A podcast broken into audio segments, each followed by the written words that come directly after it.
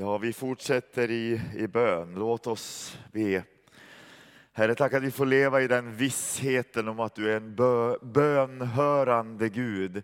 En Gud som hör våra hjärtans längtan, som hör våra suckar, som själv har gett oss nådens och bönens ande som låter din egen helige ande be för oss och be i oss med suckar utan ord och som fyller vår ande med, med bön så att vi kan bli som en rökelse inför dig. Och jag tackar dig för att vi en dag ska få se fullheten av vad det betydde att vi var ett bedjande folk, ett bedjande släkte, en, en bedjande skara Herre i, i i Eskilstuna de här åren och den här tiden. Jag ber att du ska ge oss sån där spränglängtan efter att komma riktigt nära dig. Att du ska dra oss till dig.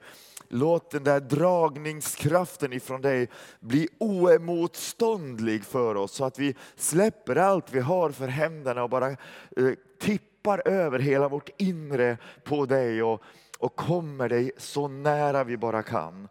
Vi prisar dig för att du har öppnat pärleporten så att vi kan komma in. Genom blodet har du frälst oss och gjort oss till dina.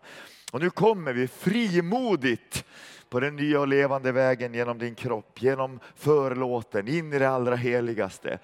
Och vi kommer inför nådens tron och vi ropar Abba Fader. Vi vill ta emot nåd och vi vill ta emot nåd till hjälp i rätt tid. Vi tror att det är rätt tid nu. Tack för att eh, rättfärdighetens sol har gått upp med läkedom under sina vingar och att vi får vara där och sola oss i den nåd som befriar och renar och helar. Ta hand om det här vi säger nu tillsammans och lägg din välsignelse till ditt eget ord på allas våra hjärtan. I Jesu namn, Amen. Jag känner mig hedrad och glad att få vara med er.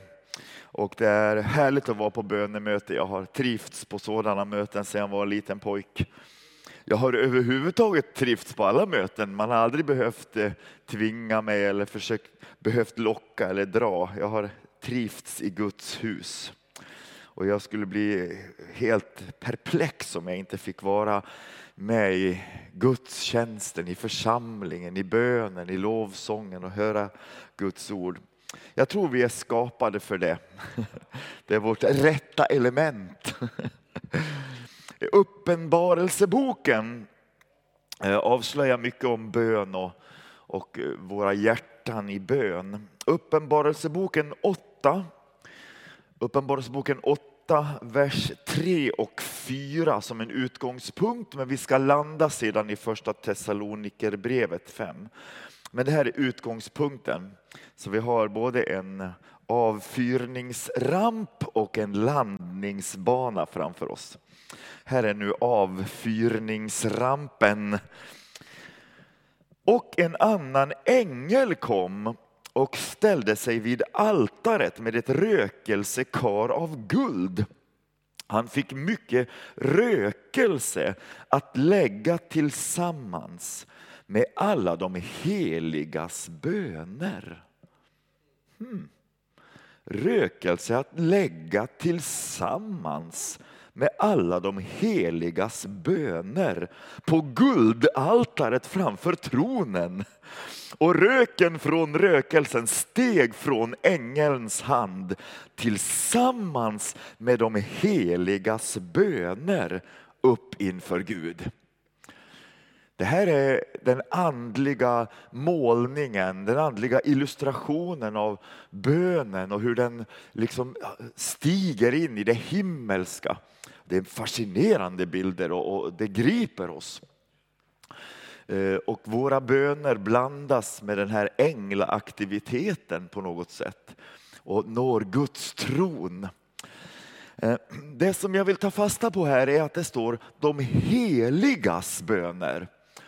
I skriften så kallas församlingen, församlingens medlemmar, de kristna, de troende för de heliga. Det är liksom ett namn, en rubrik, en titel eller ett epitet som skrivs över varje människa som blir kristen. Man, man kallas den helige eller den heliga. Vi är de heliga. Och det är på grund av den ställning vi får inför Gud av bara nåd i Kristus Jesus. Han är Guds helige och vi står i honom och därför får vi kallas för de heliga. Eh, och det är faktiskt oberoende av hur det är ställt med oss på helgelsens väg. För det första steget in i helighet är att vi blir förklarade för heliga i Kristus. Och därför kan även ganska krångliga kristna, som till exempel i Korint, eh, faktiskt också kallas för de heliga. Och det är eh, ett tecken på stor nåd från Gud. Absolut, att du och jag får bära namnet de heliga. För med åren växer ju självkännedomen och längtan efter förvandling. Och vi vet ju att allt inom oss inte är heligt ännu. Men ändå får vi kallas de heliga. Så det är någonting väldigt stort i detta. Helig är ett härligt ord. Eh, det är det som sägs om Gud trefalt. Det enda epitet som används trefalt. Helig, helig, helig är Herren Sebaot. Det som också Stig refererade till så mäktigt här och som vi sjöng. Eh, helig kadosh eller hagios eh, betyder egentligen märkligt nog avskild. Ska man vara väldigt precis i ordet så betyder det två saker. Myntet har två sidor. Det betyder att vara avskild och invigd. Då blir det helt komplett. Eh, att man är avskild och invigd. Att Gud är helig betyder helt enkelt att han är bara Gud. Han är ingenting utöver det. Han är hundra procent rent, helt och hållet Gud. Absolut Gud. Gud är ljus och inget mörker finns i honom. Det finns inga främmande element, inga främmande inslag. Han är bara god. Gud är kärlek. Theos agape estin. Sådana där uttryck är uttryck för Guds helighet. Han är bara Gud och ingenting utöver det. Han är det som han är. Han är den han är. Han är den helige.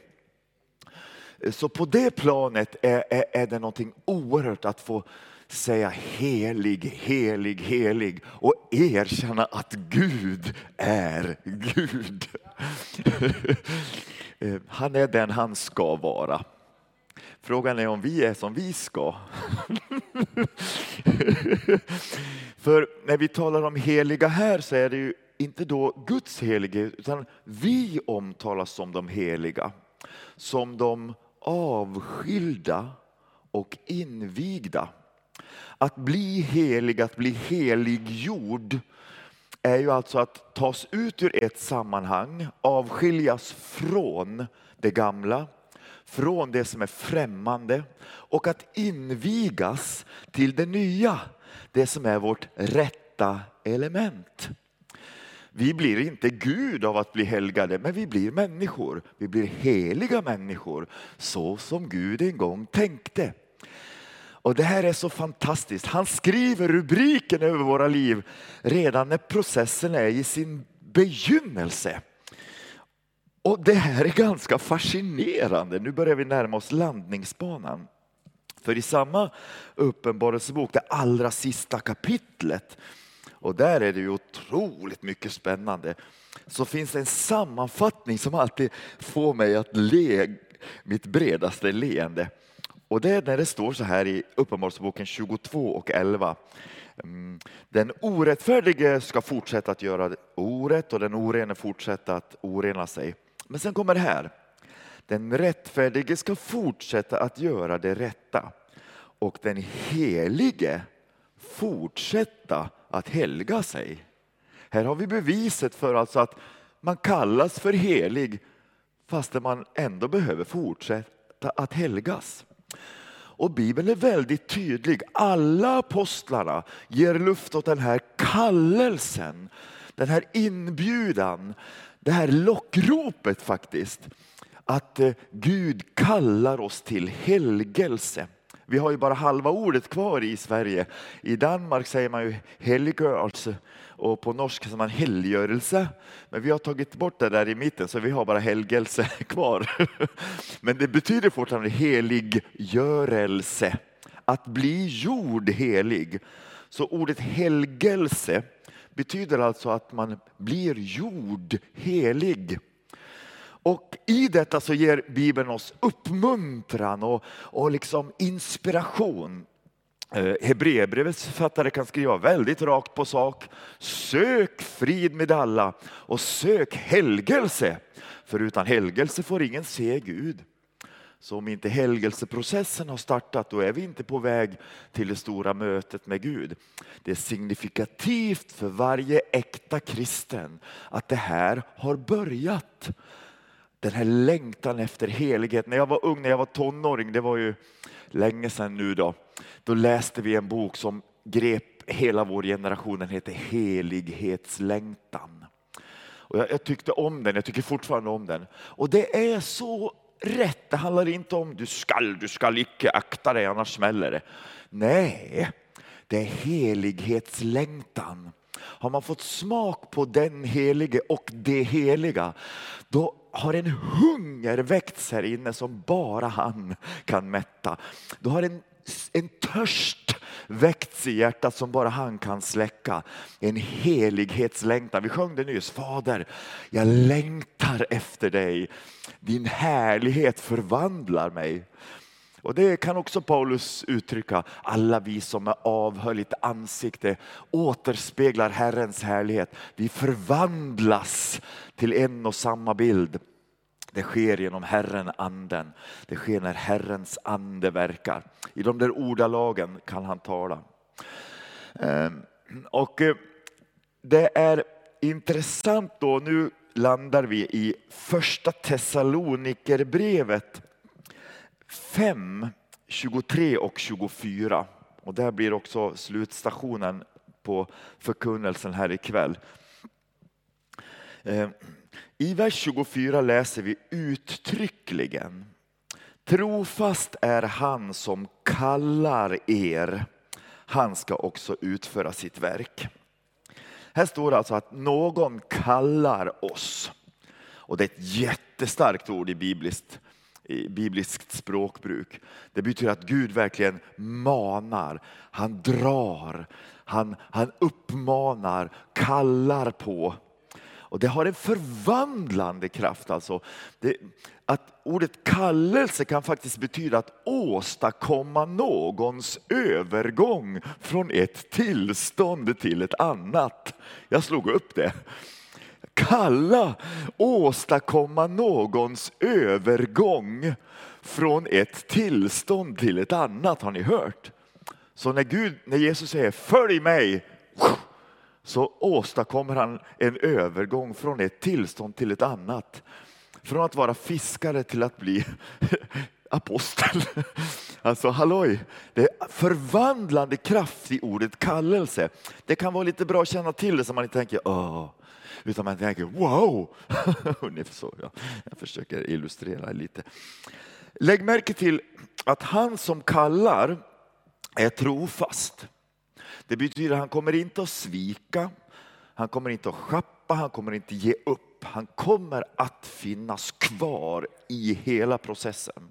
Trofast är han. Och det står till och med om hans trofasthet att om vi är trolösa så förblir han trofast. För han kan inte förneka sig själv.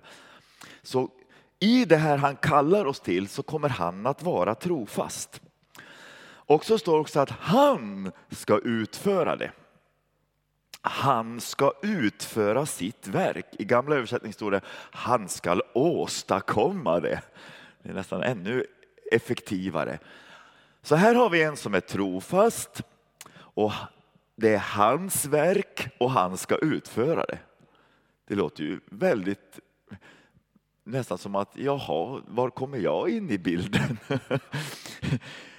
Alltså det är otroligt, det verkar som att det här han kallar oss till är en stor förmån som han själv verkligen kommer att vara engagerad i. Det är inget sånt där, ja kom tillbaks så får vi se hur det har gått. utan jag är med, jag ska utföra mitt verk. Och den här eh, versen då börjar ju med de där välkända orden. Må frid, nu kommer det fram vad, vi, vad det är han kallar oss till. För det har vi inte nämnt än. Må fridens Gud själv helga er, det är alltså heliggöra er, avskilja och inviga er helt och fullt. Och må er ande, själ och kropp bevaras hela så att ni är utan fläck när vår Herre Jesus Kristus kommer. Han som kallar er till detta är trofast. Och Det är som att det finns en ram, ser ni det? Det börjar och slutar med Gud. Må fridens Gud själv, han ska utföra sitt verk. Så Det är otroligt mycket Gud i det här och inte alls en asketisk, religiös, självplågande ande. Det börjar med att fridens Gud Eh, presenterar sig som Javé Shalom, Herren fridens Gud. Och det är väldigt passande, naturligtvis. Det är den helige Ande som har gett oss skriften. För frid betyder ju harmoni. Det betyder att vara hel, att vara oskadd, att vara intakt, att ha en upprättad integritet. Och det är precis det helgelsen leder oss till. Den leder oss till frid. Vi får frid med Gud och vi får frid med dem vi är skapade att vara. Du blir den du originalversionen av dig själv kan man säga. Original-Daniel tar form. Original-Berit, original-Karl, vilka vi nu än är. Helgelsen för oss sakta men säkert tillbaka till dem vi är ämnade att vara, de heliga. Det är en fascinerande tanke. Så det är fridens Gud som gör det och han för oss till frid.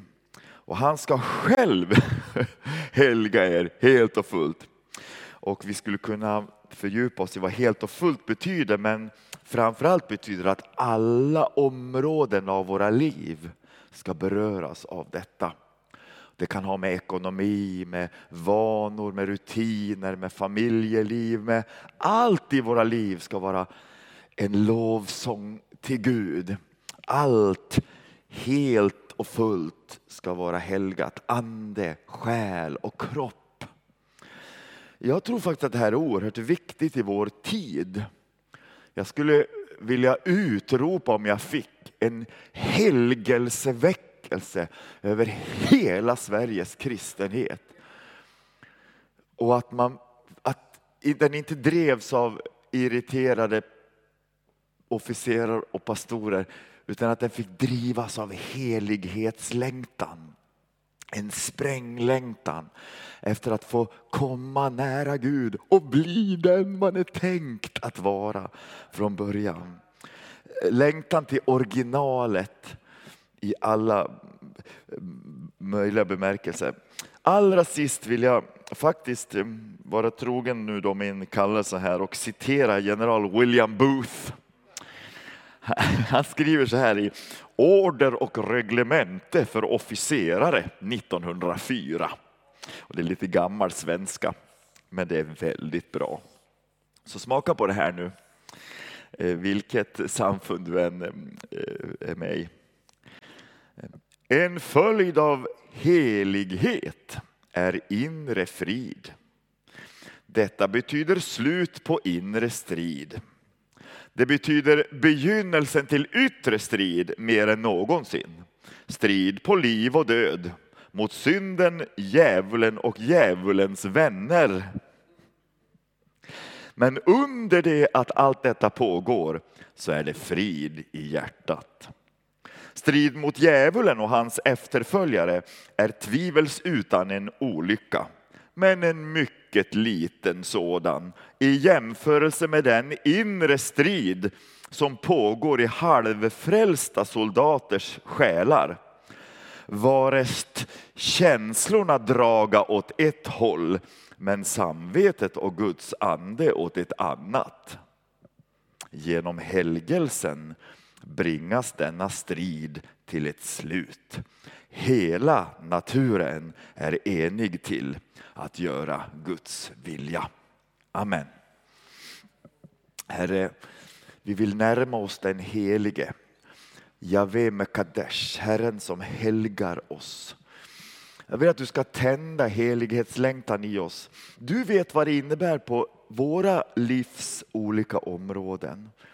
Du vill att de heligas böner ska stiga upp. Inte bara som en titel och en rubrik, utan människor som är på väg längs helgelsens väg att bli det vi är i Kristus. Hjälp oss Herre, hjälp oss. Sänd den där helgelseväckelsen. Inte för att jag ber om den utan för att jag tror att du vill det. I Jesu namn. Amen.